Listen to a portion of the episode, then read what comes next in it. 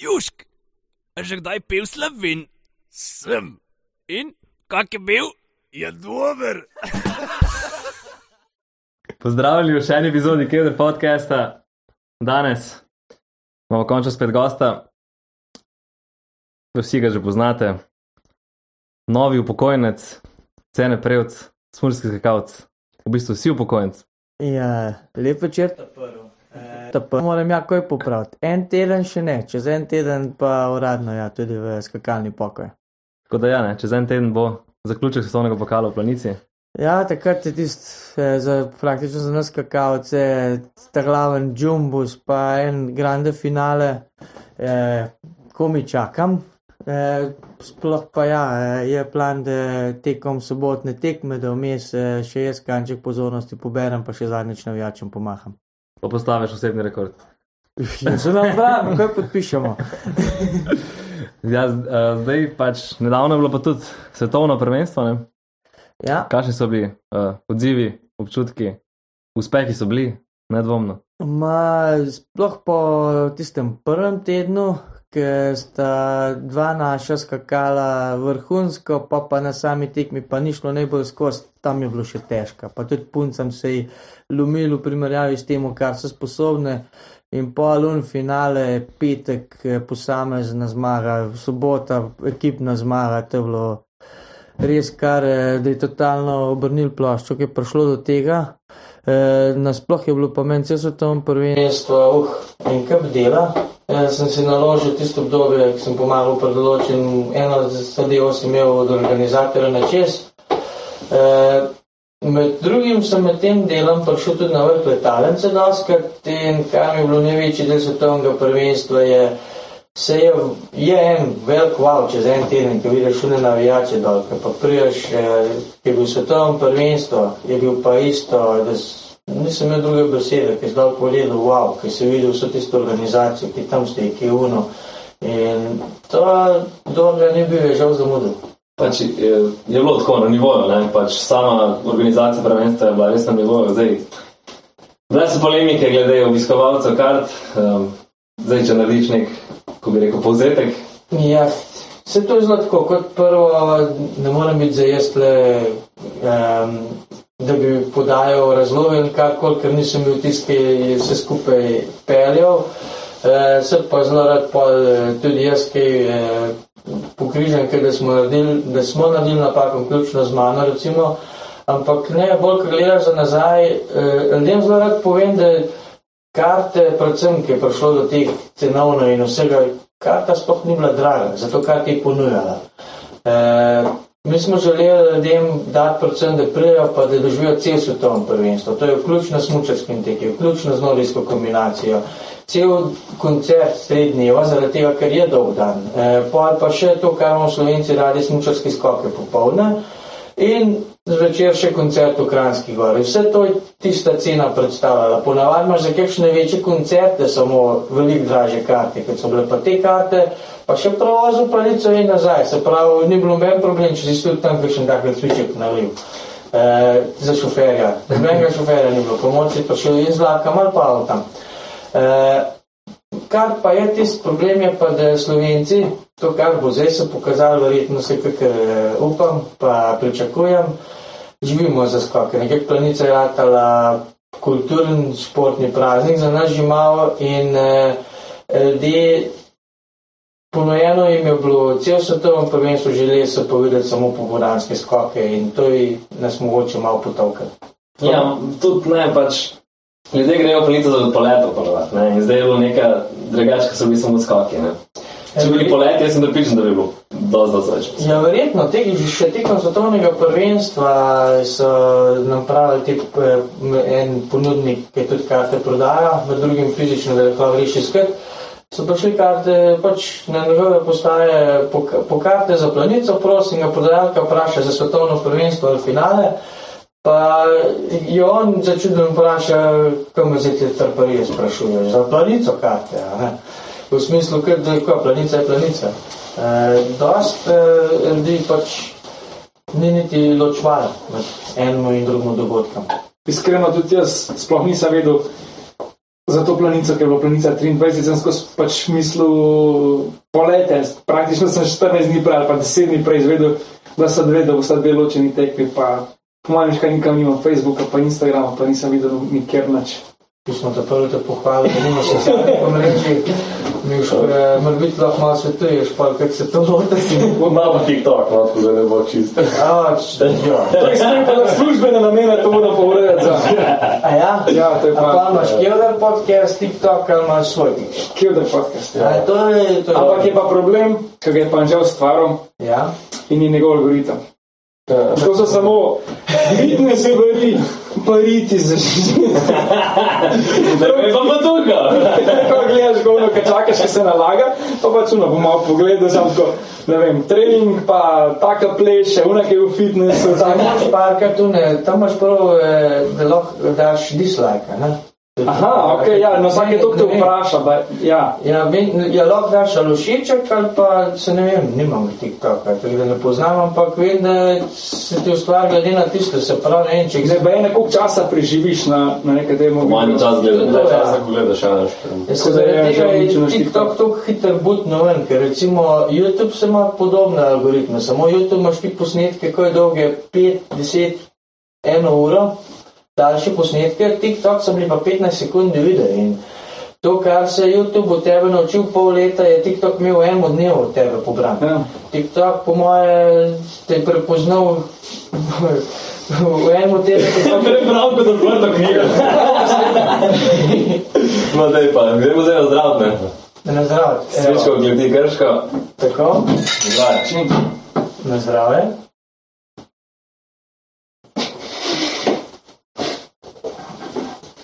Ki so, ne? Tak, delenski. Moj, to prav. Tako take cviček mora biti. Ja, pa kar se že vidite na mis, da za nazdravje. Bomo s cvičkem, pa zdaj si pa ne prinesel, da probamo še ta, jaz temu pravim, ta pravina. Ne?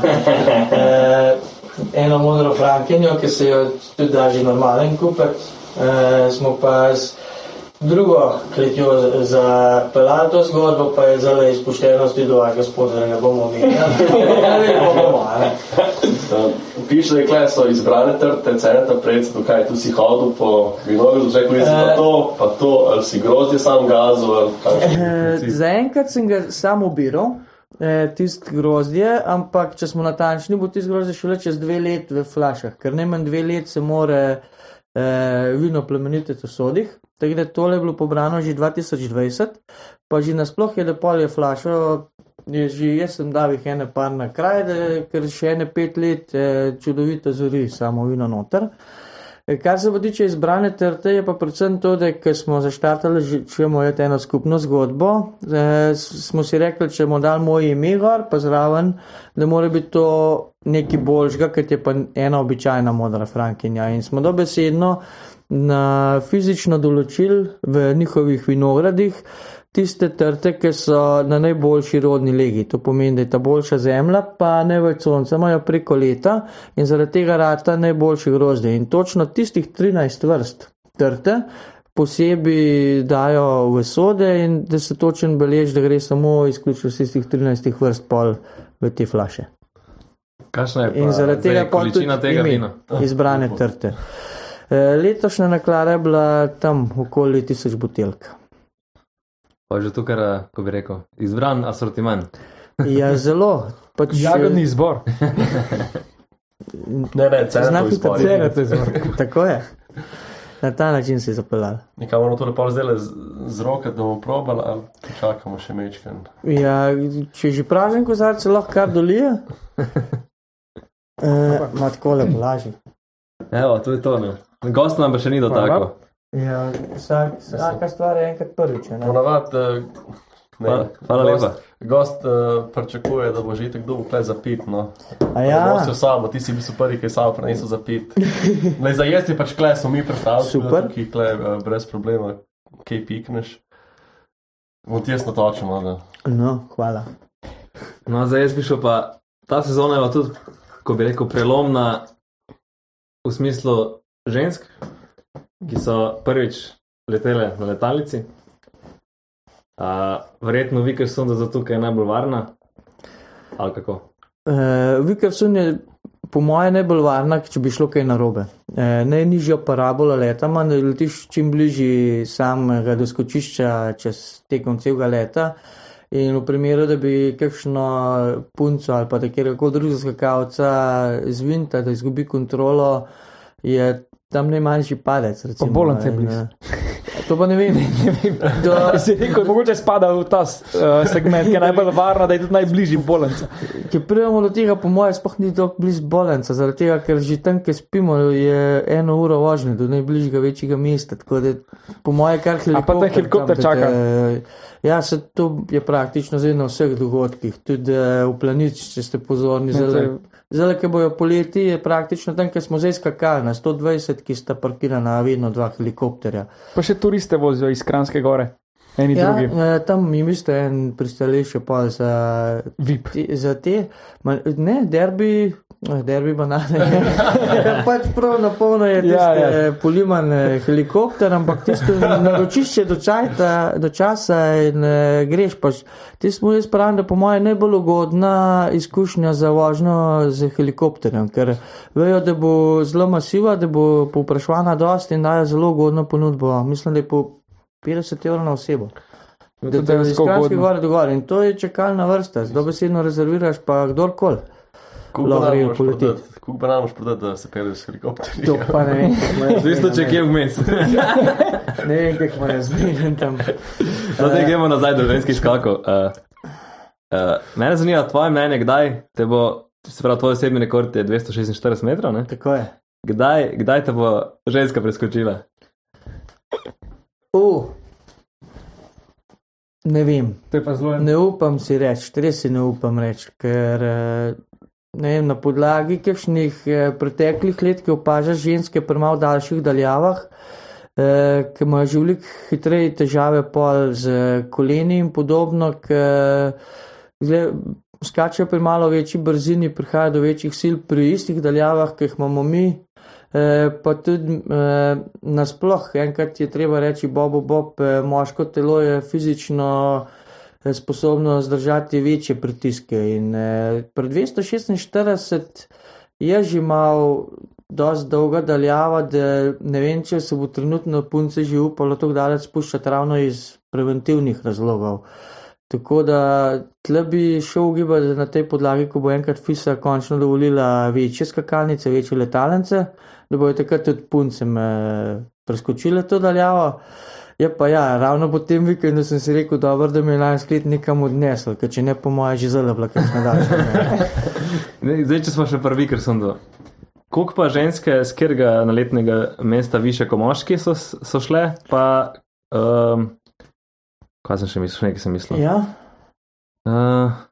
Ja večja brzina je pa. Se pravi, fanti so skakali, ki je bil vzgonski veter tudi z 98 km na uro, pa tam do 101, 102 se mi zdi. Punce se je pa pri dobrih 100 na uro, mislim, da šele začel, tiste 103 km na uro, pa da me kdo popravi, če se motim.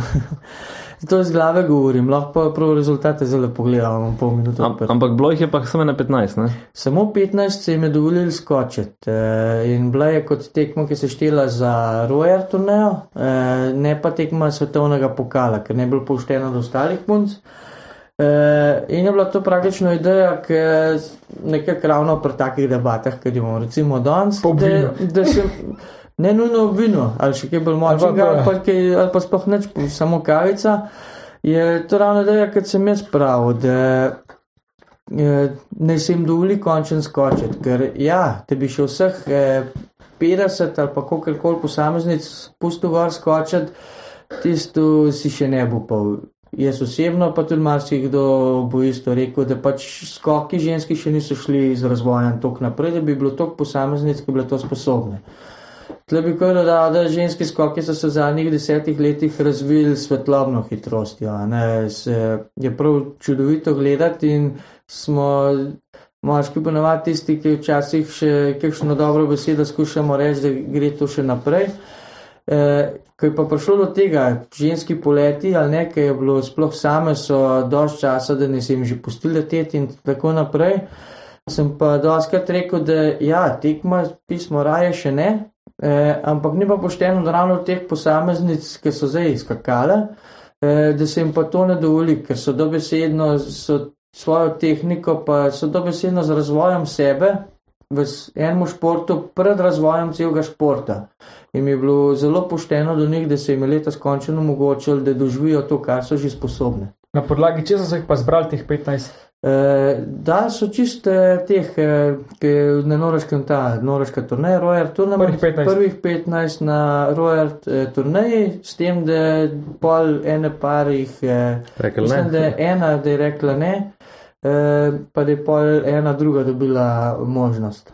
Čeprav prva ženska na letalnici je bila že kar nekaj časa nazaj, ne?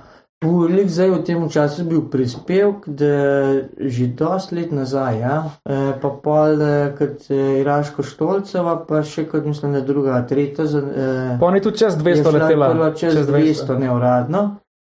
E, zdaj pa ne vem, po mojem se bo bolj kot e, Ema Klinec štela kot ta prvi čez Uradno. 200 uradno. Kaj pa če bi primerjal, naprimer, kak, po tvoji oceni, kako misliš, če bi se najboljša skakalka, pa najboljši skakalec z istega zaletišča spustila? Ko, kakšna bi bila to razlika? Ja, to Na koncu v odvisno- metrih. Odvisno od pog- pogojev. Pa rečemo, da so identični pogoji vse. In etnični pogoji, ne morem ti reči prav cifre, si ne Mislim, predstavljati. Bi bilo razlike par metrov ali 10 plus, A Zdaj govorimo na letalnic.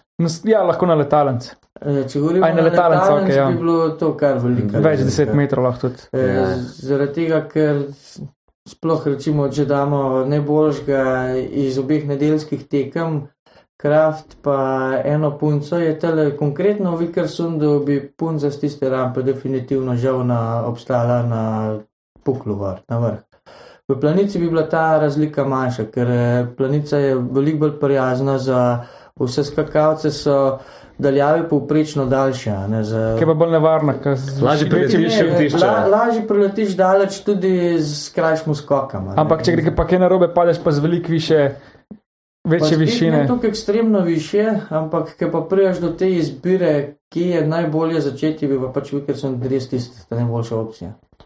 Uh, Prej si rekel, da mogoče ženski tale skokiš niso tako v razvoju, dosti napredni. Kako pa spoznaj ta razvoj? Ne vem, kaj, kako je mogoče točno, kaj, moj tehniko drugačno, dresi, ne vem, smuček, ne, meni tudi tako, ne predstavljam si čist, no. Iz, isti, sam niti ne, ampak vsak let po svoje, nasploh eh, v športu ali pa čemorkoli, če pogledaš, že v tem času, smo mi gor rasli, s- pa če zdaj za nazaj pogledaš, koliko je kjerkoli stvar na svetu, je dobesedno šel razvoj tok naprej, se dela na boljš, eh, daljš hitreje, vse živo, sam razvoj materijalov je šel naprej, vse ostale opreme.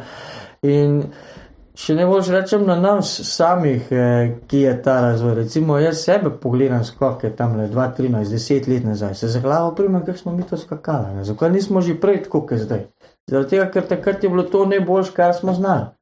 In vsak let postaješ boljši, eh, konkurenca se oža in v skokih je trenutno pri moških taka konkurenca, da doskrat glede, kako si lahko en dan top 10, drug dan pa nikjer.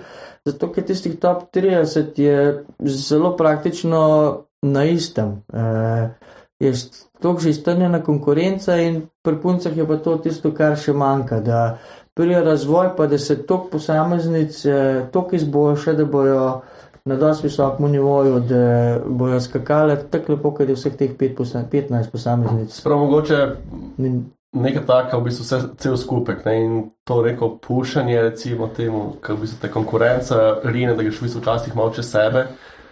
In še pač vada vse skupaj, kar zraven paše, od reče, materijalov, tehnike in vsega. Ja, večino, kot je že dost tisto, ki sam sebe porivaš naprej, pa ja, tudi sama konkurenca. V Sloveniji imamo zadnja leta zelo dobro, ker imaš skoraj hujšo konkurenco doma, kot pa pol v svetu, ki prideš do enega vrhunskega nivoja. In to zaenkrat sploh zadnji dve leti moški, pa zadnje par let v ženski ekipi se to zelo fajn pozna. Okay, lahko je, jaz bi zdaj to me zanima. Se pravi, Lahko jaz samo sekam na eno tako, okay, gli smo kle.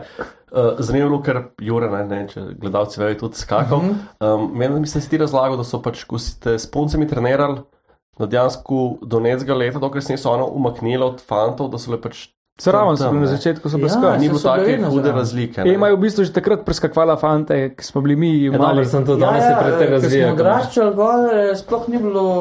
Ena kategorija je bila in to je En, to. ena kategorija, sploh ni bilo moške ženske, ampak mislim, da tam do dečkov, se pravi, pri tam 14-15 letih se začne ločevati tudi tekmovanja. Ampak recimo, vem, da po mojem ravno ima klinec, da tudi polke so bila že ločena tekmovanja, ker so itak tekmo delali istočasno. Bi tudi v prmoški Je zmagala pol v doskrat. obeh rezultatih, da je bila isto pri moških še zmeraj na rezultatih, pa ja, med najboljšimi zraven.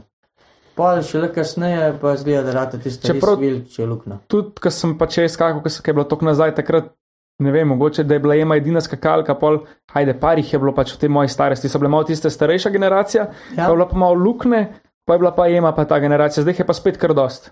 Ja, Z ja, z rezultati pač prej tudi- je bilo tudi dosti tistih, ki so mislili, da ne.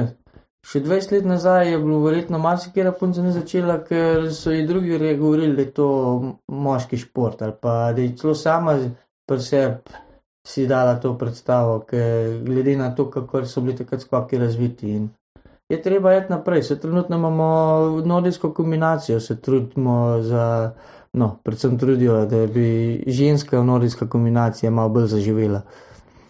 Moš pa dobiti seveda ljudi, ki pa posameznike, mogoče potencijalne bodoče upe, ki bi jih to zanimalo. Ampak mislim, za to kombinacijo, če smo že še pri kombinaciji, naprimer v mojih časih, 15 let nazaj, pač ko v teh klubskih uh, trenerjev ful ni bilo nekega odobravanja že za to kombinacijo, ker je bilo pač dejansko gojiš dva tok različna športa, da težko pol ti imaš ne vem, skakalnega trenerja, pa tek trenerja.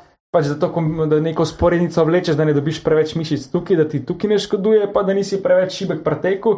In nekako niso bili nam navdušeni tudi. Se, ravno to, že mi smo nekako debatirali, da imaš ekstremne športe, ampak da ta kombinacija pa po moje res ne bolj zahtevna. Ne. Recimo, že že ko izravno pomislimo na biatlon, tam imaš, eh, da moraš v enem momentu teč na polno, naslednjo sekundo pa totalno umirjen puls, pa streljati na tarčo, ki je Uh, čist mehna, sploh tam uleži. Se pravi, v enem momentu pa moraš ti pulzi 180 spraviti na čim nižji.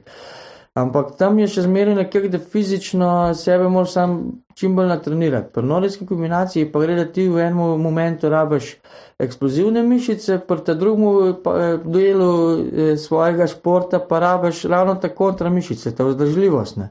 In tele pa priješ dobesedno do fizično, da mora biti eh, tvoj skelet Vse. različen, kontra in ti rabiš ne najdete najboljše, ampak najboljšo kombinacijo. Ne. Saj je bilo se zanimivo, ker, naprimer.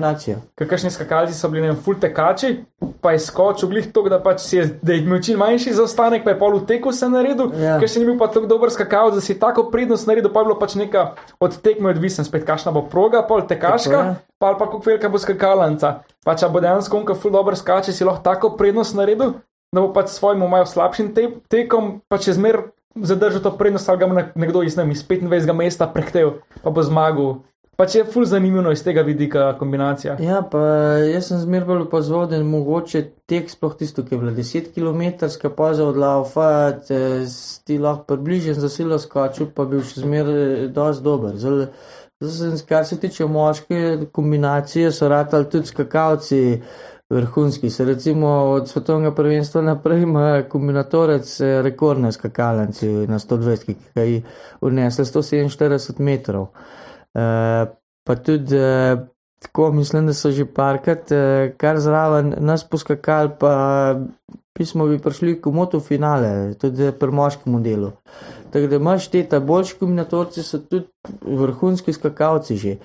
Uh, Ker smo bavaro odraščali, pa recimo se jih poznajo, pa res, tako kot si rekel, zelo stvar trenerjev. Recimo v vašem klubu pa- to niso tako poudarjali, tržič je bil sploh. Ful. Pa nam je bila pa ta, da eh, v Kranju so pa od nas nekako, da tekme, pa treninge smo nekako vse oddelali. Se pravi, smejo tudi tiste rolke, Se tudi ti si bil še na rolerjih, daj na Jaz sem do konca osnovne šole sem vedno tekel še kombinacijske tekme. Zaradi tega, ker enemu mulcu tam do konca osnovne šole to, da gre tam le malo pljuča prepucati, to je zgolj plus lahko. In tudi na ta način se je delal. Je bila pa ta razlika, ker nikoli nisem izrazil želje po kombinaciji, da Uh, Unike so tam pri 14 letih, pa že, da bojo šli v kombinacijo, so pa imeli na tistih treningih eh, kondicijskih, so že kakšne vaje delali tudi za roke, pa moč, v- kakšne dodatne treninge za eh, kombinacijo, kot daljše teke in podobno. Eh, da tega mi pa ni bilo treba, ampak na vse tekma, pol kot eh, tista tekmovanja, sem pa še zmer prepucati pljuče. Ampak za otroka do te st- starosti, ki se razvija, je v bistvu ful dobro, da tudi gojiš enem zran tek, ker pač, ko se on razvija, da zran razvija še enem tudi zgoren del telesa, da ni osredotočen samo na en del, pač praktično cel telo nekako dela.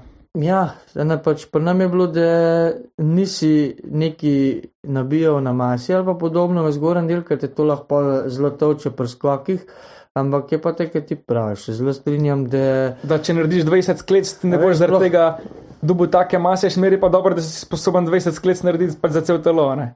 ja, to malo spuščamo, tle je tisto malo, da se bo, ampak eh, predvsem, da se otrok ukvarja z nečim in da ne samo vsak dan na skakalnico, ne to mi pri našemu trenerju v Kranju zelo všeč, ker vse živo se spomne. Da, da, da, Da čez neko Sploh- igro v bistvu Sploh za une še mlajše, ja, ne vem, tam do 10, 12 leta, to, to ne sme biti trening, to mora biti igra. Ne? In ti preko igre otroka navdušiš mogoče še za kaj drugega, ali pa da nasploh dobi veselje do športa, ali pa nasploh da dobi veselje do tega, da gre vsako popovdne pa razmiga okoli. Tisti dan, ki nima treninga pri tistih letih, da gre ven iz hiše, pa da pride domov vas potacan ali pa nekaj, ker veš, da se je valo, ne vem, ki posod. To, je- to mi je una. Zdaj pa ti vprašaj, prosto, že je bila dolga. No, smo te zaprli. Ne, zdaj sem že nekam drugam.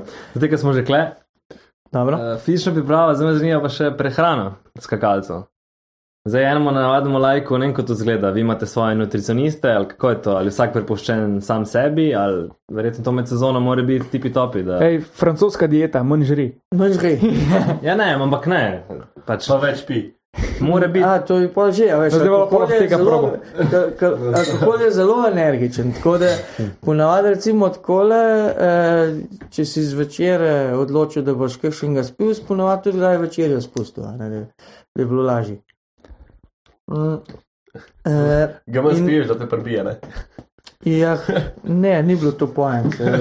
Recimo, sploh tak levin si jaz bolj čisto iz užitka eh, človek nalije. Pa, pa traja včasih tudi mes, da ga spiješ, ker je za tisto užitek en deci čist dost.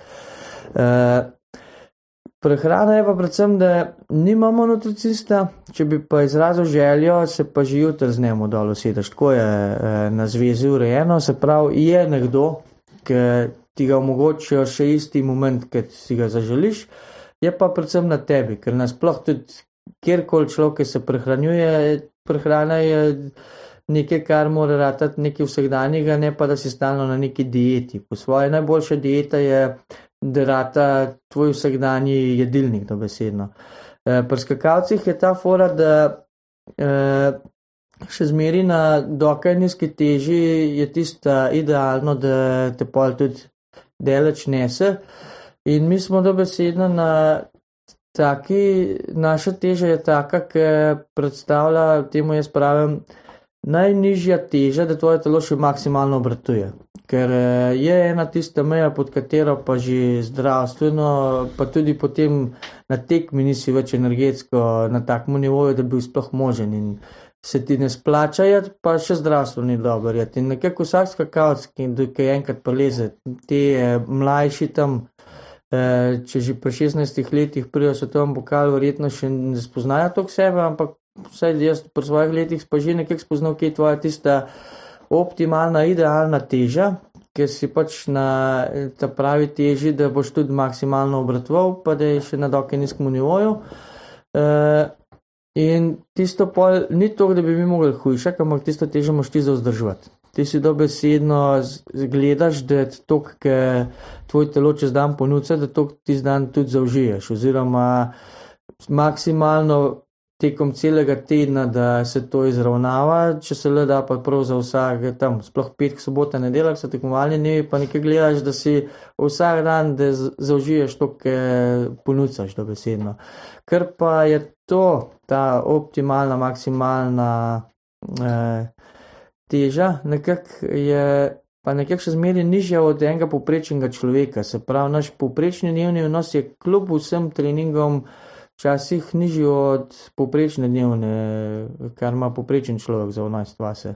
In je predvsem, da ja, ti obroki so pol bolj manjši, ne pa da bi mogli, praviloma ne bi smel stradati, no. Se moraš naučiti. Pa so bile skozi leta kakšne regulative od FISA, da ne vem, pod to mejo ne smeš iti. E, ravno s tem se je začel. Mi, ta meja, ki obstaja, je pravzaprav, da imamo dolžino smuču omejeno glede na našo body telesni BMI, telesni body index.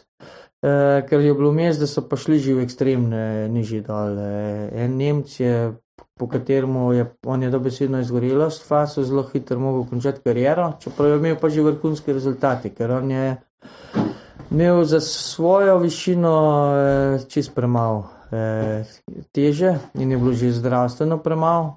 Uh, od takrat, takrat pa zelo par let po tistem so uvedeli, da če greš pod določeno težo, moraš začeti krajšati Ne, in se pravi, v grobem rečeno, ena, en kilogram pomeni dobre 3 cm krajše smuče. Ampak ti teža nam dnevno regulira. Ne? Ti spiješ malo vode, pa že teže eh, zjutraj si lažji kot zvečer. Teža lahko te dnevno regulira, smuče pa ne more tam le slatnar mi, ga ja. zjutraj poklical. Režeš jih še nekaj klo. Ampak a ne moreš pa štukati. Ampak ne moreš pa ti, Peter, jaz imam pa tele danes, ima več kil, da mi za zvečer, za popovdne mi 4 centi daljše smuče prpel. Pol dejansko ima vsak koliko paro smuči na. Eh, da- Ne, ti imaš ene pare, lih to je point, zaradi tega mi moramo težo vzdrževati. Ti dobiš tisto svojo idealno težo za tako dolge dele in ti imaš tako dolge smuče tekom praktično cele zime. In pod tisto mejo, ker jih, te, ker jih imaš lahko svojo višino pa unim smučem, je točno določeno, koliko eh, kil imaš lahko in pod tisto eh, eh, decimalke ne smeš jet. Karkoli višji je pa zate minus, eh, dodatna teža, zaradi kjer nimaš umenga plusa in nekako se, da priješ točno tistim kilažam na tekmo, je tvoja idealka. In zato si stalno, da si lih kakšno deko na tisto težo. Ja, ampak eh, povod za to ekstremno nizko težo med skakavci je bil tudi, ne vem, so, se, so bile ne vem, razvite kakšne bolezni, kot so anoreksija, bulimija med skakavci, je bilo to pogost pojav ali. E, je to nekako še zelo tabu tema. E, po moje prnam, e, sploh takrat e, sem bil še premehen, da bi se tega, da bi to takrat skako še spremljal. Nisem. Jaz sem šele pred 2-5 je bila moja prva tekma svetovnega pokala, da sem sploh e, začel spremljati, ko se v tem športu dogaja. a ne. Pred 2-3 sem začel trenirati ta šport. Kar je bilo prej, nimam pojma. V našem svetu pa ne vem, koliko je pogost pojav, e, po moje manj, kot e, da bi ga zelo neki ful napihval, je pa po moje večkrat pa se predstavlja. Ampak so to rešili s temi smučkami, praktično so preprečali, oziroma malo Porast. pokazali, da je nesmisel to, a ne da je pač gledaš, da imaš za svojo višino maksimalne smuči in se pač tega držiš, kot da pa greš v neke ibrature. Ja, je zelo zanimivo, s tem so zelo pomagali. Sicer včasih se sprašujemo, če bo treba to še malo bolj zaostriti, ker že je nekako linearna krivulja. Se pravi, imaš ti eno maksimalno dolžino smoči za svojo višino, pa pa če začneš jeti na nižjo težo, eh, se to linearno pol manjša, približena. Ne? In sem razmišljal, da bi mogoče tistega, ki je že čist prnuta bela, a nekaj, nekaj tista minimalna, da pol niti krajših smuč ne moreš več imeti. Eh, in je, da bi mogoče to naredili bolj eksponentno, se pravi, Še nižji dol te bolj kaznuje z večjim urezan smuč. Ampak je pa to zelo dilema, ker recimo eh, tudi telo je tako sestavljen, eh, imaš dosti posameznikov, ki imajo bolj težavo, da bojo imeli dosti kilket, pa da bi jih imeli preveč, pa da bi pol imeli zaradi tega tudi kakšne prehrambene težave. ne. Tako kot smo na svetu, sto ljudi, sto čudi in eh, sto različnih eh, ljudi, ki, ki, ki se spoznava s tem. Pa tudi eh, sploh kot kakšen najstnik je še telo tako različno sestavljen, da oni so doskrat, eh, že v štartu, v, dokaj bolj nižje na tej tabeli, pa ne, so posebno normalno za enega najstnika in uh, je zelo težko pol točen določiti, kako in kaj. Je pa, ki se je to dolga leta nazaj spostavil, da je bil en velik napredek. Mene pa še nekaj zanima, ker smo se prej pogovarjali o tem, da so v bistvu praktično prvih 30. Kar pa nekaj, no, naslednji teden rabiš skrbeti najbolj za velikost. Ja, lik zdaj, ja, veš, en teden se mora malo ja, da bo ja, mogo, da bo ti svetovni rekord, ampak realno, že zdaj sem en let, ne, en, en let eh, sem bil daleč iz tega, da bi redno treniral in pa tako, tako da realno ni šans za kakšen trening, greš pa z užitkom, pa da bom tam užival. Bom pa definitivno probo tale pršut, pa komu to je, dam se. Ne vem, kaj je tu Jure nekaj naredil. Če- Čedar pa Gal- Čedar pa Tilziter. Tilz- Til- Tilcar, ja. Sorry, da sem ne prekinil. No. No, to me je zanimalo. Uh, če je praktično prvih 30, ker je tako dobri, da so si vsi konkurenčni, da so lahko en dan na vrhu, en dan med, pač, da so komi med 30. Da je tukaj tudi v tem športu zanimivo to, da praktično so vsi nekako fizično enako pripravljeni, da ni takih odstopanj, da je veliko več prskokih v nekih občutkih, pa v počutju, kot sami fizično pripravljenosti. Da Mogoče pač to tista razlika, ki se dela. Ali misliš, da dejansko tudi vpliva neka fizična uh, pripravljenost, ali misliš, da so vsi enako fizični, pa tam tam pripravljeni, pa da so vsi Eh, konkurenčni? So tudi razlike malo v fizični pripravi, ampak eh, točno to, kar ti že ti poudarjaš, na koncu ti ne pomaga, če si ti vrhunsko fizično pripravljen.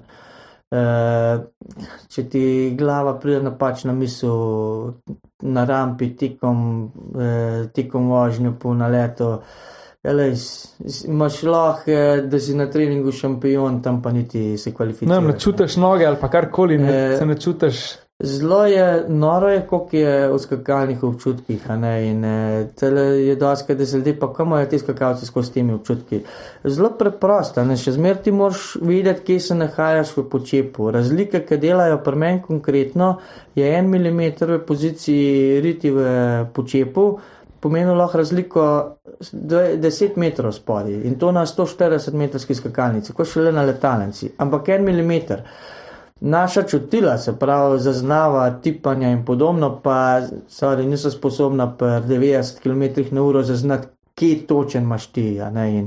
To je tista zadeva, ki jo pol mi delamo. Da tehniko dobesedno tekom tega, ki odraščaš, pa vsega spraviš v podzavest. Da ti, ki priješ enega na tekmo, ti dobesedno moraš, ne da ko boš, pa kako boš, ampak da priješ pa boš, da samo greš pa skočiš. Pod, imaš ponavadi fokus na zgolj en poudarek, ki te večino, ki te imaš največ težave, oziroma na en tisti poudarek, zaradi katerega težav ne boš počel. E, in s tistim, s tisto nalogo greš ponavadi v glavi skočiti.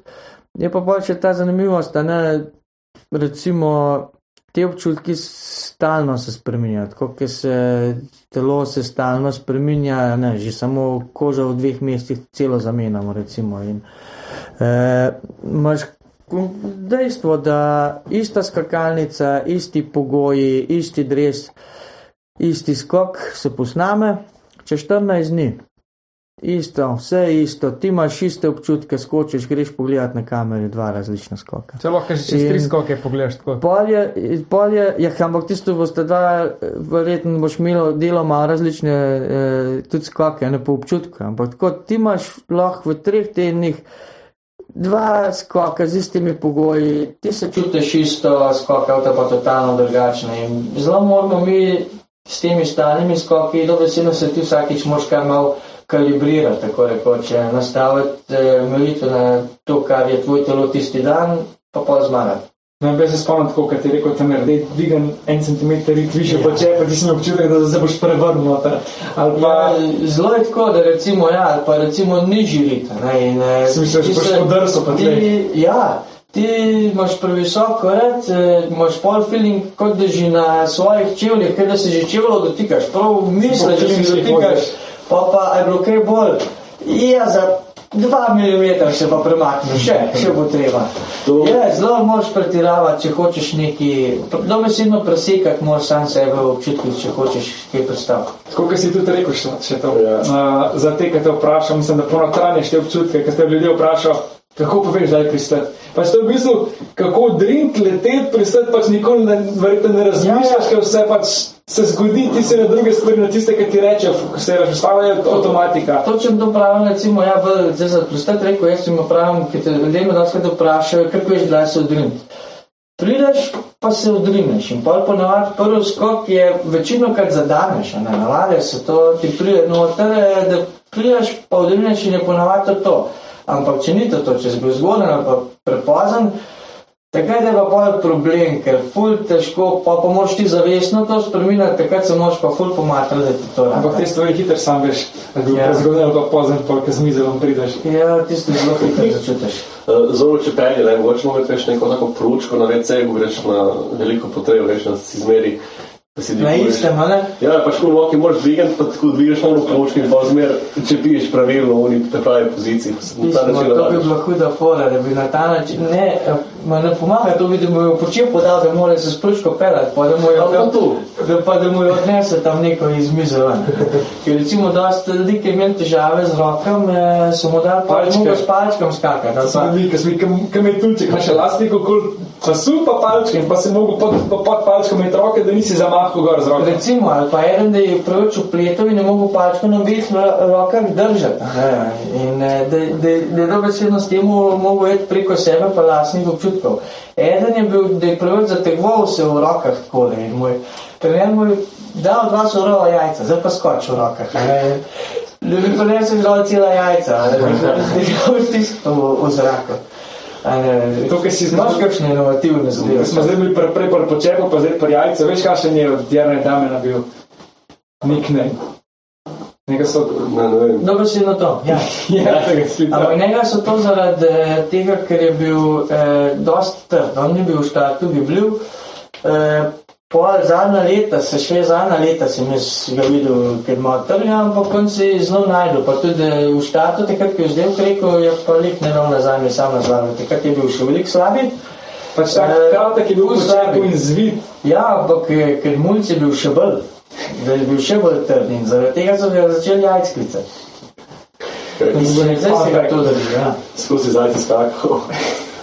Ampak sem prav v, sa, v sami fazi od, od skoka do preleta. Verjetno imate vsi dolge podoben odriv, verjetno je samo timing dosti pomemben. Kako lahko pa ti rešeš, če si ne vem. O, zelo so različne tehnike. Je na koncu, ki črto potegneš, da nevec naredi tisti moment, na mizi pa pol prelet. Tam je ključen del. Ne? Sploh na letalnici se da še ful rešiti v preletu, ampak takrat smo prej pravili, pismo 30 jih je vrhunskih, če si malo napake naredil v preletu, se lahko dal še tu pomatraš. E, Boš šel še mogoče čez 200, ampak za karkoli več pa boš težko izborbal samo po zraku. ne. Ne, ne, tak šport, ki je veliko glavi, ker pač tam pa ne vem. Tenis, Ja, ja, in- tenis, basket, ti zaribaš eno situacijo, se imaš pa še 30-50 naprej, ne? tle imaš pa dvakrat po 10 sekund in to je to. Ne? Ma pa bova kar skrajšala to na zgolj delček sekunde, ne, ker v tistem delu, ki odrineš, pa da narediš pravilno pre, pre, prelet v samo pozicijo leta, na koncu tam zelo odloča. Ja. Tukaj je bil v bistvu, mislim, da se rekel, da so si v tem preletu oziroma odskoku podobni. Poglej, že sam Domna, pa Petra, no. okay, pa sta dve taki tehniki, pač, ne da nista niti Ja, nisem pa niti z gledal istega detajle, ampak, kluba. eh, Zelo vsak skakalec ima svoj odriv, tudi včasih pol opazuješ. Eh, zelo se pozna, da recimo pri nacijah mi opazujemo, lahko vidiš kakšno razliko, ker ne, vsaka država ima, ima kar en svoj eh, način skakanja, se z- zelo malo vzpostavlja. ne, in, eh, Imaš pa kakšne razlike že prav med državami, ampak še zmeraj pa vsak skakalec najde kakšno svojo vrlino. In tukaj je zdaj izpostavil že in Petra in Domna. Za nas tri že tako pravijo, da smo si totalno različni, ker nas enkrat, eh, dvakrat eh, dobiš skrb za pol ure, prvič, ki nas, ki rečeš živijo, boš mi si rekel, da ste si čist isti, dvakrat po pol ure boš rekel, ste vi sploh bratje. pa pa tudi ja, tehnike, že same tehnike skoka imamo kar malo različne. Pač doma je ne vem, veliko bolj agresiven ali pa nasploh. Mislim, ja, agresiven je tista prva stvar, ki- ki breko razlika, ni. Ja, Domen ima ekstremen eh, prelet eh, v, sam, eh, v samo fazo leta in eh, to eh, takrat, ki skače super, takrat eh, ti sposoben tudi na 90-metrskih eh, zmagati, ne, ga to ne toče, takrat, ki pa mu pol za delček procenta ne laufa, eh, ga pa to lahko zelo tepe na in 90-kah in 120-kah. Ker pa prije enkrat do letalnic, eh, tam pa to doda tak plus, da To je tako high risk, high reward. smo mu pač, smo mu pač povš. Ne, to, kar on dosega na letalnicah, to je, to je noro. Pa če vam zgleda tako, mislim, kak primerjaj s kakšnim drugim, ker drugi se prav od, pač od skočne misli dejansko da neko moč, pa ne bo pa zgleda, da sam hitro sprestav. Jaz lahko, recimo, tele bi izpostavil še krafta. Kraft je tudi norc, ki pride do tega, kar je zelo, recimo, minul vikend do sem to oddelal. Oba da prideta ekstremno nizko, Kraft pa po mojem ne domen pol v drug del začne eh, delati zelo na principu, da se eh, zdrži v zraku, Kraft pa kar vleče, pa vleče pa temu bi rekel skoraj kot torpedo. On skozi pridobiva, pa ga sam nese. Na brzini, po mojem, on ne več brzine, pa samo pristanku dol. E, Tako nizko pride, To, da- pa pol zadnji moment začne žrtvati brzino, zato da e, ga še malo dvigne v zrak. Dobesedno žrtvuje brzino, malo se naredi kot balon. E, posledično ga pa malo dvigne in zaradi tega včasih pridobi en kup metrov. Recimo že To se mu kar nasmejal, se mi je, ki še na svetovnem prvenstvu, na 120, ki posamezna tekma, gledaš unsko, ki ga je pobiksal. Mi bi vsi prstali na 110 metrov, bi po moje s takmu skokam nas. Mi rečemo tudi pozavgal dol, ne, se pravi, da te kar pro- proleče k tlem. On je pa delo točen to, ker mi, kakšni še na letalnicah, nismo se sposobni, on je pa že na 120 je spostavil ta balon, da je nekako potegnil še kaj do tiste daljave, ki mu ratala pa tisto prvo serijo. Saj ne zdaj, če gremo do ene stvari, ki mene res zanima, dresi. Zmeraj enkrat vidim, diskvalificiran, zdaj kaj, kaj je ta meja. To so vredno tako mehne razlike, da glej zdaj na zadnjem svetu, ki je bil tale, maslej ali kaj. ne. masle je bil diskvalificiran. Ja. Tako. ja, kot prvo, kaj je ta meja? Človek je ta meja, se pravi, kontrolor je človek, fizična oseba in kokar je ena oseba, ki odloča, si ti noter, si ven, je subjektiven dejavnik. In A vpliva na nacionalnost tega človeka? Eh, ne, mislim, Razen, če si nacionalnost ne, ampak, ne, le, iskreno, tudi jaz, tudi kjerkoli od vas, tudi če se hočeš biti pošten, na koncu, ki če to potegneš, ni šans, da, Da si do ti vseh enak. človeški dejavnik, da si do vseh enak. Ne, pa lahko si enkrat do enega bolj, do enega manj, kot prvo imaš to. Kot drugo pa ja, ki pride do teh dresov, te dresi, ja, Zlih ene tok so ra- raztegljiv material, kot tole, če ne še kaj bolj. To je neke vrste pena, eh, petplasna zadeva, se pravi tanka folija, spo- zgori, spodaj, vmes sta dve pene, pa vmes dobesedno folija, ki je točno tako napikana, da je ta prava prepustnost eh, samega dresa. Eh, in kot prvo pride do tega, da ta dres je raztegljiv. In iskreno po desetih skokih, eh, na sploh tistih bolj gibljivih sklepih, se že sam material raztegne, da bo treba ga malo spet eh, zožati, ker se raztegne in je prevelik.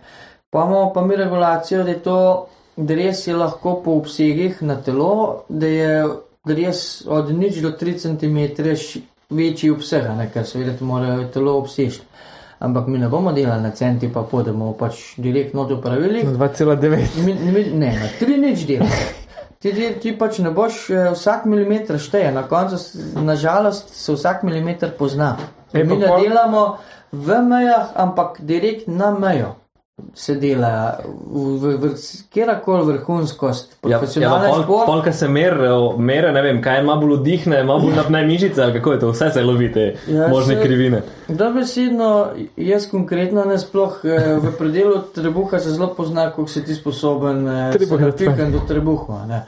In ti sam, jaz konkretno sem se naučil, da moja ve- velikost dresa v tem predelu je bila narejena takrat, ker sem se lahko napihnil in tudi namerno, eh, lih Slav, eh, kakšen let nazaj, ker sem bil tako legos na Fejmičih, smo se smejali, ker sem povedal, da je moja vežna oprema za naskakalnico bila že gazirana pijača, večino kot Coca-Cola, zaradi tega, ker eh, da zaradi mehurčkov sem se veliko lažje pol tudi napihnil. In če sem prišel na kontrolo, sem jaz prišel komod preko regulacije. To je posebno po pravilih, ampak je bilo nekaj, kar se smo mogli pač naučiti. Ne? Sam da nisi se tako napel, da si prno, pa je šlo pa že tisto, ker si nogo, pa si bil pa 5 centov pre, prevelik dres. Ampak ja, pač to je ta razvoj športa, tako kot je doping, eh, se tle da se gre dobesedno za, mislim, da se reče materialni doping. Ne, to je meni doskrat tako smešno faleno. Nekoga dobijo na drugačnemu dopingu, pismo je očrnen za do konca karijere, pa dve letni prepovedi. Pa nam te pa dobijo na tem dopingu, pa si pač tisto, tisti skok diskvalificiran. ne. In je to ena stvar, ki jih zelo za čez en teden bomo mogoče eh, tudi s- s samo Sandro Pertilem kakšno debato to rekli, ker zdaj planirajo, da bi za drese, da bi delali kot eh, ne več na obsega, ampak na volumen. To je spet nekaj, ki, kot sem prej rekel, za ženske skoke je bilo spet nekaj, ki sem jaz govoril. Tako da upam, da je od mene prišla tudi malo ideja, ali pa da so jo drugi dobili. Ni važno, važno, da so šli malo spet naprej, da mogoče bo enkrat, da bo si meril volumen in merna prava, ne več tekmovalc, ker je pa ta fora, da športniki bomo vedno iskali eh, lukne, da boš najboljši, pa da boš v mejah normale in boš iskal ne kako si v pravilih, ampak kako si v pravilih tega, ki te bo meril. a ne. Eh, Na, me, na, na drugi strani eh, naloga regulatorja pa je, da bo to delal čim bolj pravično, pa da sploh ni na koncu to, da, a ne, da, da je za vse enako, je na koncu ne Konstantno. Ja. Kaj pa pre- konstantni ta kriterij za vse? Ne? Tako je. Kaj pa prepustnost? Dejansko še kakšen pad zaradi prepustnosti ali bolj kaj ne dejansko ja. obseg? Tudi ja, prepustnost se še zelo hitro naredi. Eh, Mislim, da ta let, eh, da, zelo, da mislim, da mi pohvalijo celo, da letos nimajo toliko problemov, ampak vem, da tri, štiri leta nazaj, to je bil meni ta najslabši del našega športa, ker si ti, ti dobil iz, eh, proiz, od proizvajalca, si ti dobil material, s katerim ti ne smeš skakati. In smo mi imeli cele težave, da si ti material spravil do tega, da je bil sploh v pravilih noter. Včasih se spomnim, da so tako mlajši, ki smo bili, da, so, da si ga z lakom za lase na šprico, ker si mislil, da bo vse parjel ali pa. A ja, da da bo sploh- ne Da, prepustil. tako. Kaj pa prvo skritek niso merili, ker si pač mlajši pa v Ja, te pa to si ga slovenske. ti spredi. eh, Znotri. Zmes, da so znotraj, jaz ga nisem pa tako starejšega.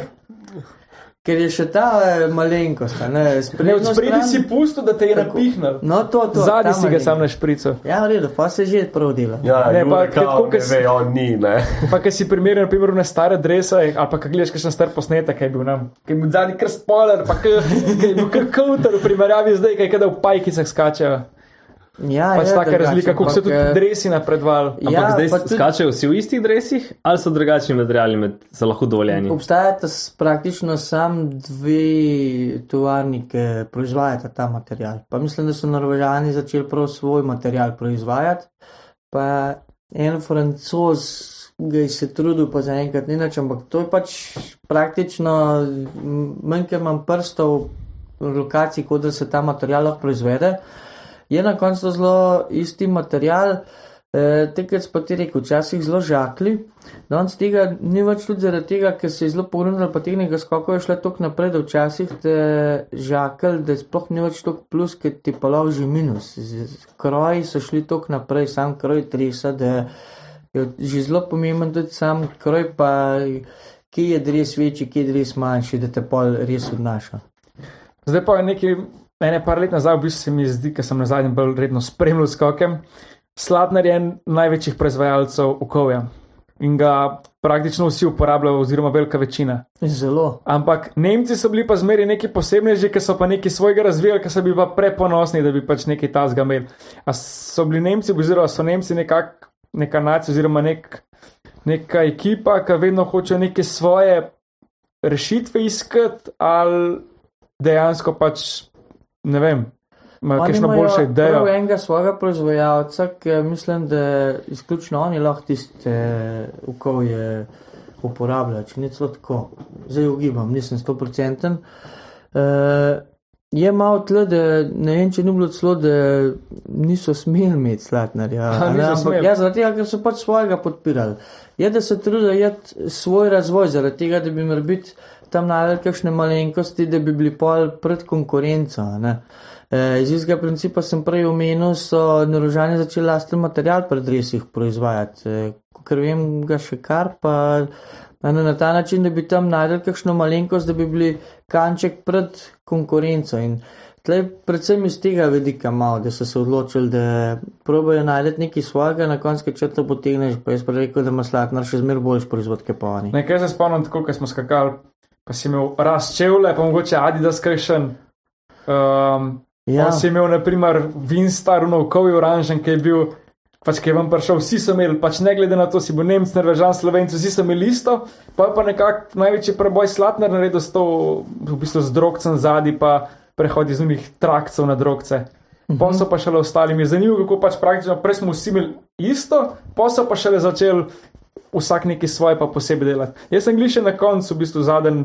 Zadnje pol leta, ko sem skakal, da sem še probo to in bilo pač čist nekaj drugega, prej si bil iz nekega trakca, pa to dosti fleksibilno, pa pa kar nekaj pač zadnji, sem štangca, kako bo šlo to zdaj, pač kaj je bilo čist. Jaz sem v bistvu lih po operaciji prišel na takrat nazaj skakati in v te pol leta se je to zamenjalo, samo na probo in bilo čist nekaj drugega, ampak zanimivo pa so bile pa še zavite, še pa še naprej. Ja. da si imel pač bolj naravno smuče, ampak tako, takrat se mi zdel največji ta prehod v nekem okolju. Ta prvo morava eh, Amanu podati zasluge. Aman je bil prvi, ki je te štangice pogruntal, eh, koj za temu je pa pol Jani Grilc. Eh, Se s Petrom Slatnerjem do njega takrat stopila, da sta začela to razvijati. ne. In v štartu je bila samo petka, pa ta štangica, pa kasneje šel pa še na del. In jaz zdaj pa lahko pohvalim, da sem bil celo eden po mojih prvih treh, ki smo to petko pa štangico dobili. Jaz, Aljaš Budan, pa Luka Romšak.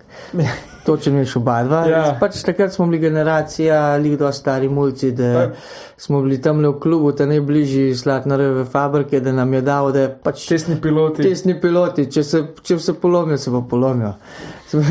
Mislim, se ne moreš polomiti, ker tak mulca, ne, smo bili tudi tako sposobni.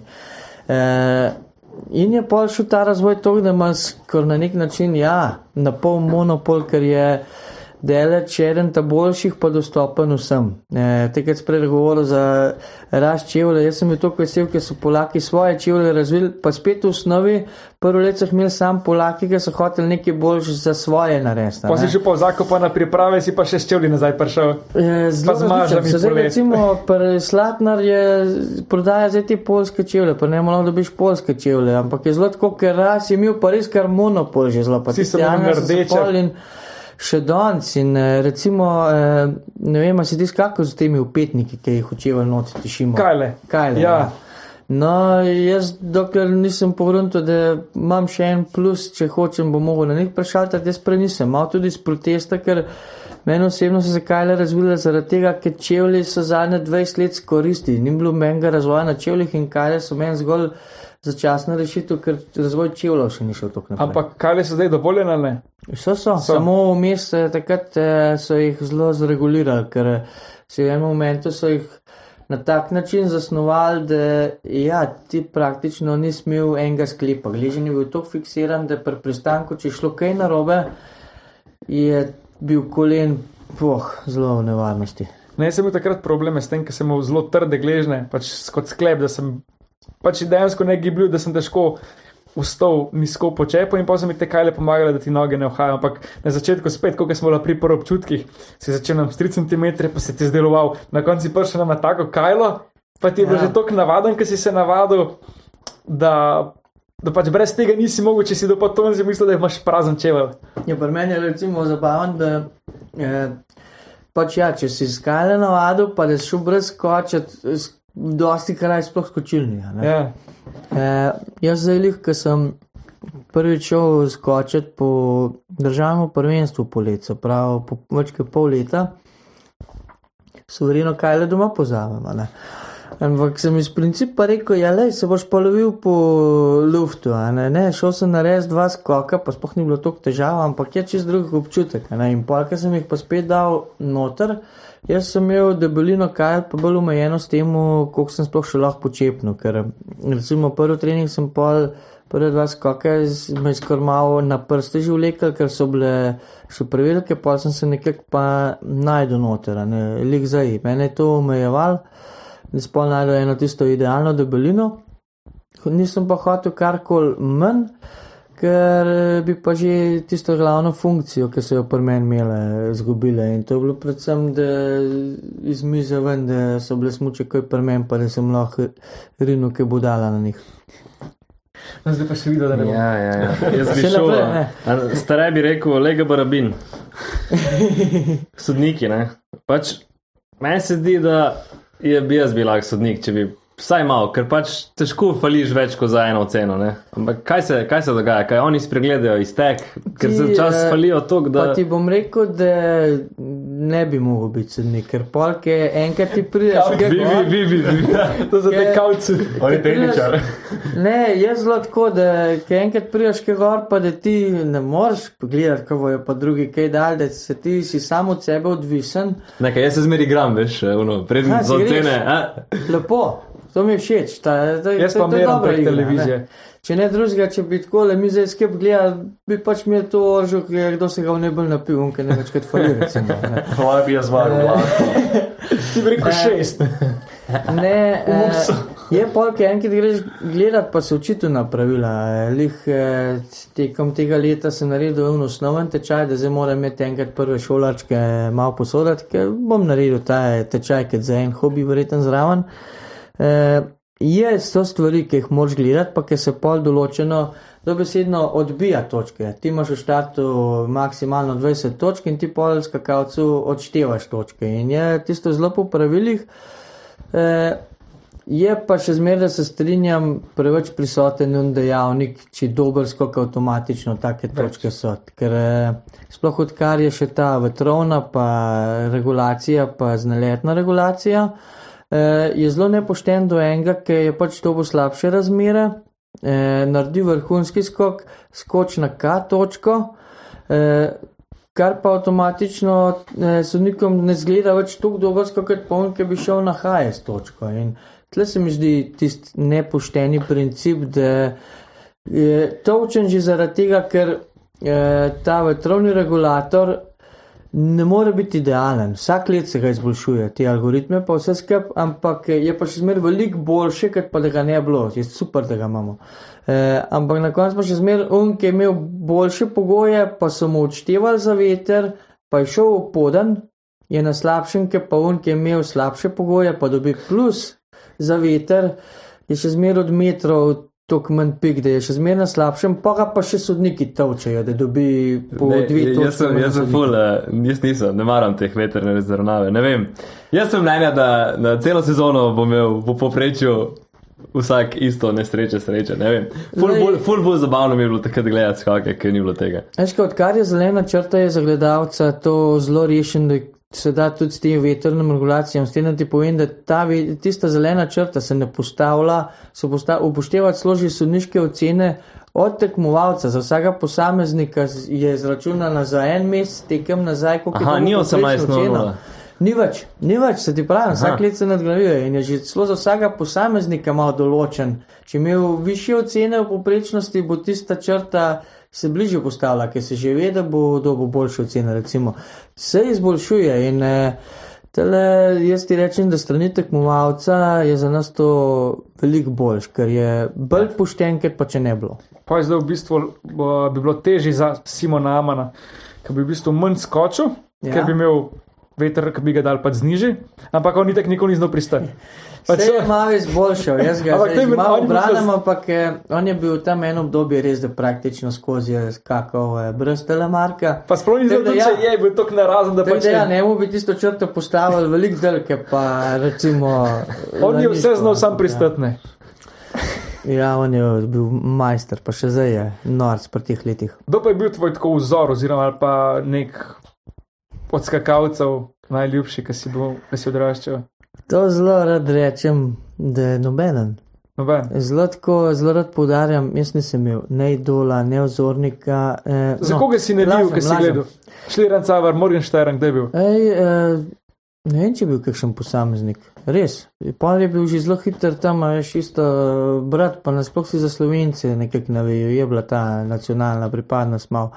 Um, zelo rad tele podarjam, ker to temo odpreš, da nisem imel nikoli tizga, da hočem biti kot ta pa ta. Lik zdaj je, je Ižiga Jelar eh, dal ven eh, Kamila Štoha kot eh, da je zelo vesel, da je nekdo, ki je bil njegov idol, da zdaj ste pa do, do besedno najboljša pri- prijatelja ratala. a ne.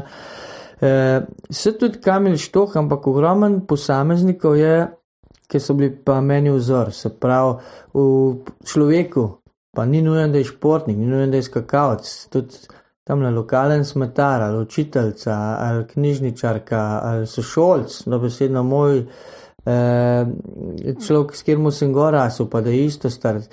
Jaz sem bolj kot eh, mulj, pa še danes opaziš določene lastnosti ali pa osebnosti, ki jih človek ima.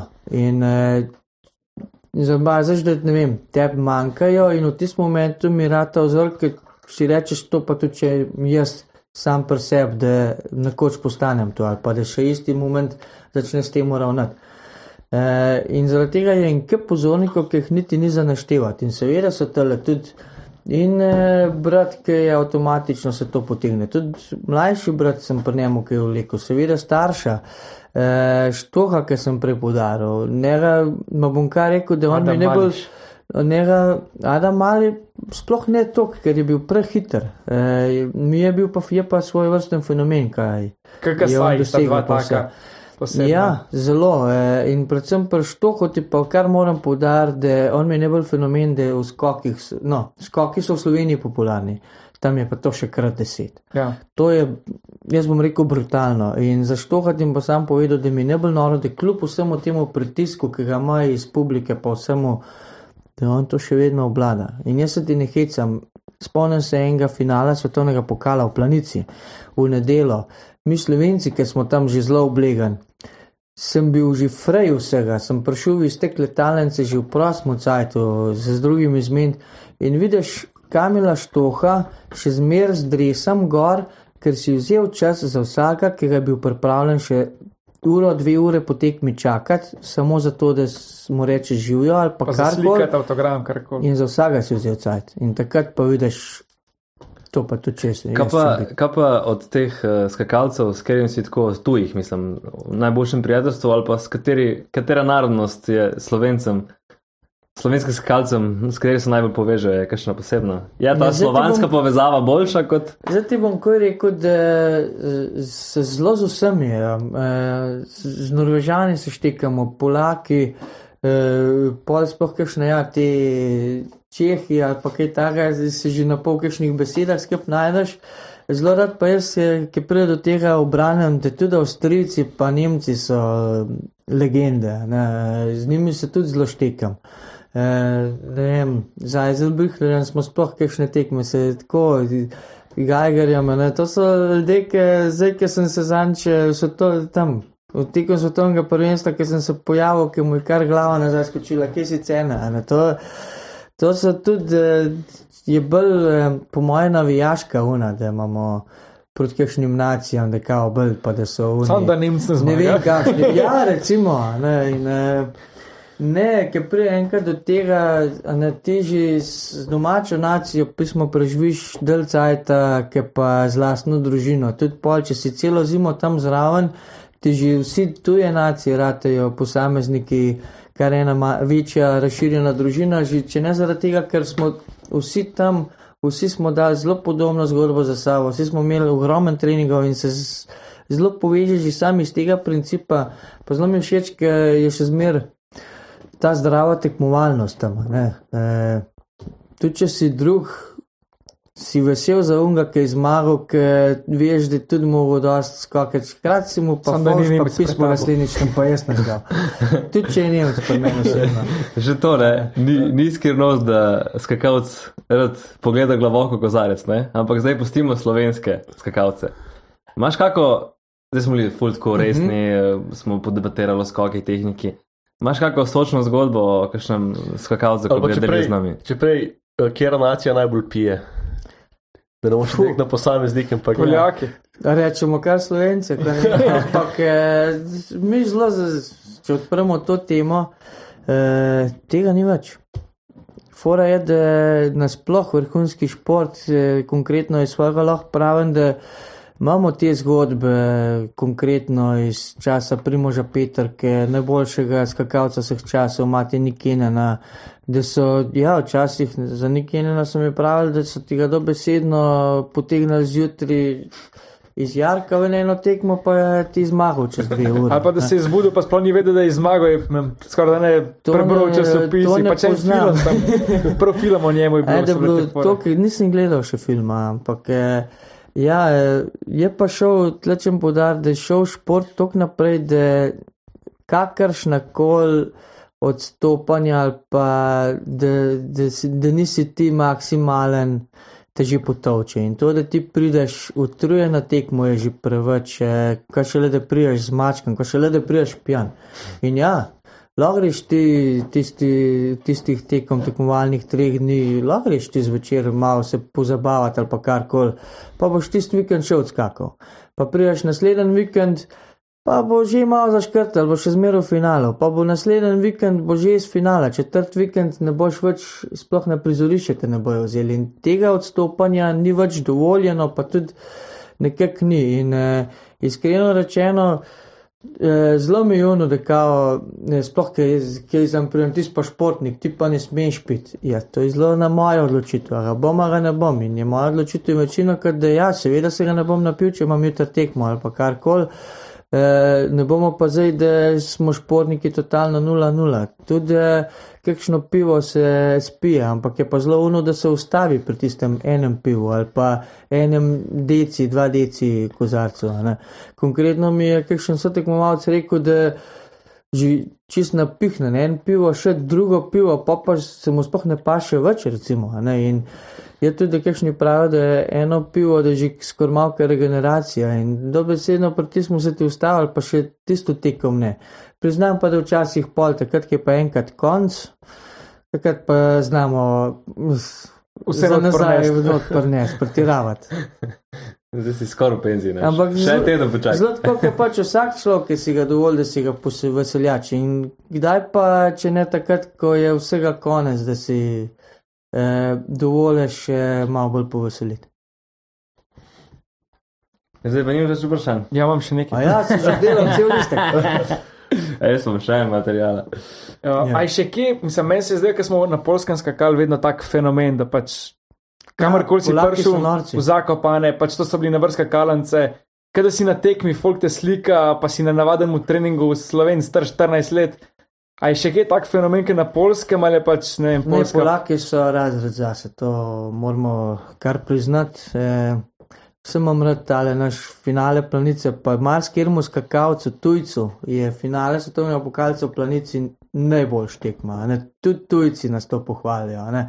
Granerud, najboljši skakalc letos, on ima rajš planico, kot je Vickersund. E, moj boljša skakalnica, ne. tudi ta vzdušje, ki ga tam ustvarjamo, pa finale, finale. ne. Tako da to nam je slovencem kar uspelo, ampak pa enkrat pride to zakopan, pa to, kar pa tam navijači počnejo, to pa. To je pa še zmeraj moramo si priznati, da nas presežejo. In uh, ja, eh, Pa tam je to še hujši šport. Uh, tam je to še bolj popularen šport, kot pa kjerkoli na svetu.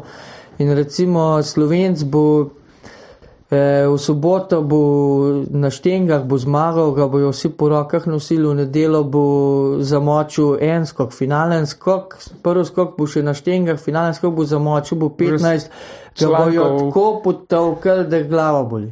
No, na polskem je en skok, že med serijami je lahko, on, da ga nosijo po rokah, pa ga pa potovčijo dol. Tam se spremenja že skok, skok je.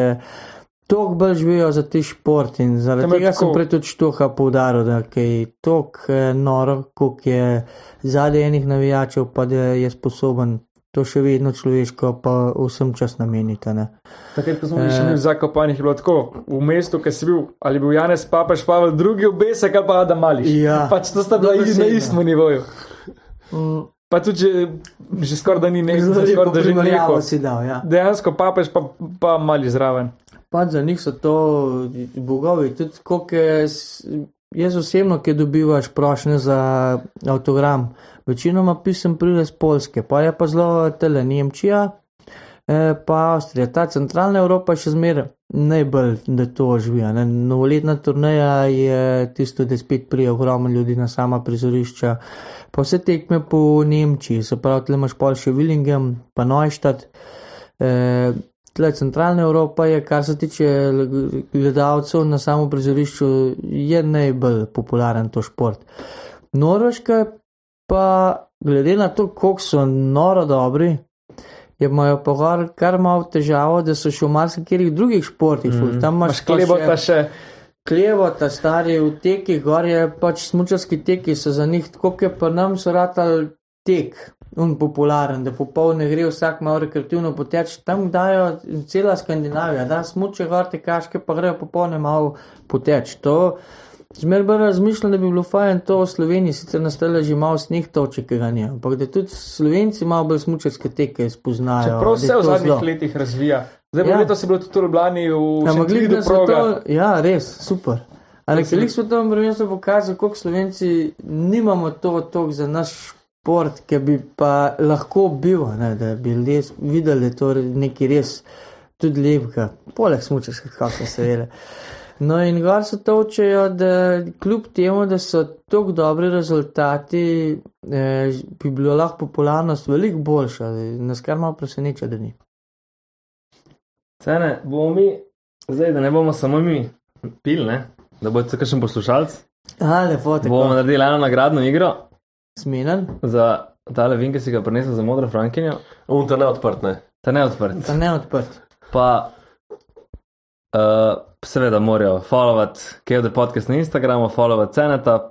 Pa zdaj cene povej, kam morajo komentirati, da je ena Po tako luft. eno navihano, da ne bo glih Ja, neki. dobesedno to, kar je rekel, ampak je že tako, ne pač, eh, se pravi, prvo se objavi, vas morajo lajkati v komentar, eh, kva, dodati vsaj kakšne dva, tri prijatelje, s katerimi bodo to popili. Mene ni treba, če hoče, ne grejo, ne rabijo mene. mene to, ni- to ni pri meni, da mora biti pogoj. Se pravi, eh, v komentar napisati, eh, saj dva prijatelja, s katerimi si bojo prvoščali, eh, lajkati Kevdar podcast, pa zdaj da po luftu pišejo, a ne? Po luft. Hashtag follow. Ampak mora biti hashtag spred, če ne voilà. Hashtag follow. Edino to, da bi to naredili, ne, da bi mogoče lahko v soboto že. Do planice, da, da ga bom imel za, do planice že. Sprav ga moram pol poslati kdaj v četrtek. Mhm. Da ga za planico že odpre. Ja. Da bo lahko v soboto, ko boš zaključil, odpil cene, od, odprl Da, da, cene. ga, da ga samo prinese v planico, Ali pa da to. ga odpre takrat, Ali pa to. No, bomo zrihali, Tako da pa bomo bomo imeli ene štiri dni max. Ja, ja, pa pač bo treba tu na hitrco Hiter, tako je. se pokazati, kdo je že in pa kdo ni. Ne. Um, dej, vse poleg teh skokov cene, veš, še kakšna stvar, ki imaš kakšen tak skrit hobi. Ne vem, bereš knjige, poslušaš podcaste, kaj, kaj je ta za kleklaš, ne vem. Avti.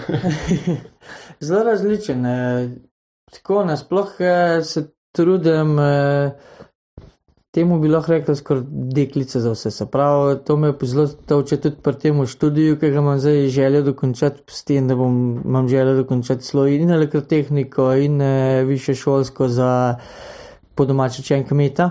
Eh, ampak sem zelo un, da se trudim Pa, ljudem. sorry, Tu je pa uno, električni pastir. Ja, ja, tako je, tako je. Ja, ni idealno, povežeš oboje dvoje profesionalnosti. E, dobesedno verjetno bom med ljudem, da si deklica za vse se pravi, da rad ljudem pomagam, če le lahko, eh, da njim dokam ne uspe prijeti. Na ta način se trenutno zelo kar malo padel v športni marketing, da kakšnim tem drugim tekmovalcem, ki še nimajo osebnega sponzorja ali pa da se trudim kakšnega prpelati, Na ta način, tukaj se loviš, eh, v šanku se mi že najdel, se pravi na tisti, jaz pravim na ta pravi strani, ampak to je una stran, kot, eh, kot na ta, kar strežeš ali pa delaš pijače. Eh, Zelo različno, z, z Triglavom zavarovalnico še vedno sodelujemo, še vedno eh, imamo sodelovanje z odlično oreščki, se pravi suho sadje in oreščki. Eh, lik, Zdaj upam, da bom kakšno reklamo spet malo naredil, eh, jim že dolgo nisem. Eh, pa nasploh, kamer bo v življenju ponesel. Le, Cene, ti si nekaj prinesel, tudi ti ne boš šel praznih rok. Ah, Ti nam dve, Zdaj pa drugo, vino sta pravih stran, strani gorjancev. Tako. dobra družba, dober vin. Dobra Tako, družba, tako da- se strinjam, dober vin bomo probali. No, tako da ja, povab dva, tri prijatelje, prijateljice, pa dejte. Pa ne rabite hashtag, da je polust. Zdaj, če si car, ga boš v soboto, tako ko boš prišel gor na skakalnico, ga boš stankal, pa prišel dol, pa zdol še do drugega. Stareto ga dej, stareto. Takrat definitivno ne, če pa verjetno pol kasneje, ker bom smuče že postavil nekam bolj v kraj. Ker ja, če že to sprašuješ, enkrat v življenju sem pa dobesedno, eh, da sem prišel še po mojem malo opijan na tisti trening. To je bilo bolj še v tistih mladostničnih, ki je bilo treba ječi nekakšen ta študentski žur ali pa kaj. E, poletje pa veter full hiter premočen smo imeli, mislim, da smo bili v pol osmih zjutraj že v Špuri in je bila pa ne vem kakšna zabava, da sem dobesedno, verjetno sem bil še malo.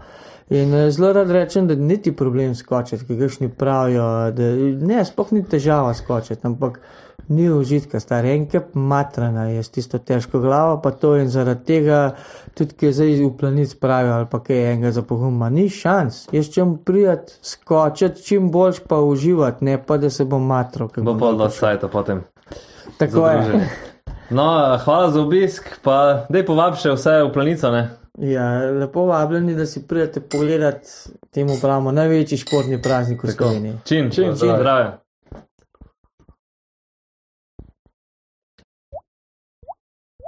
Južk, sod te pušča. Južk.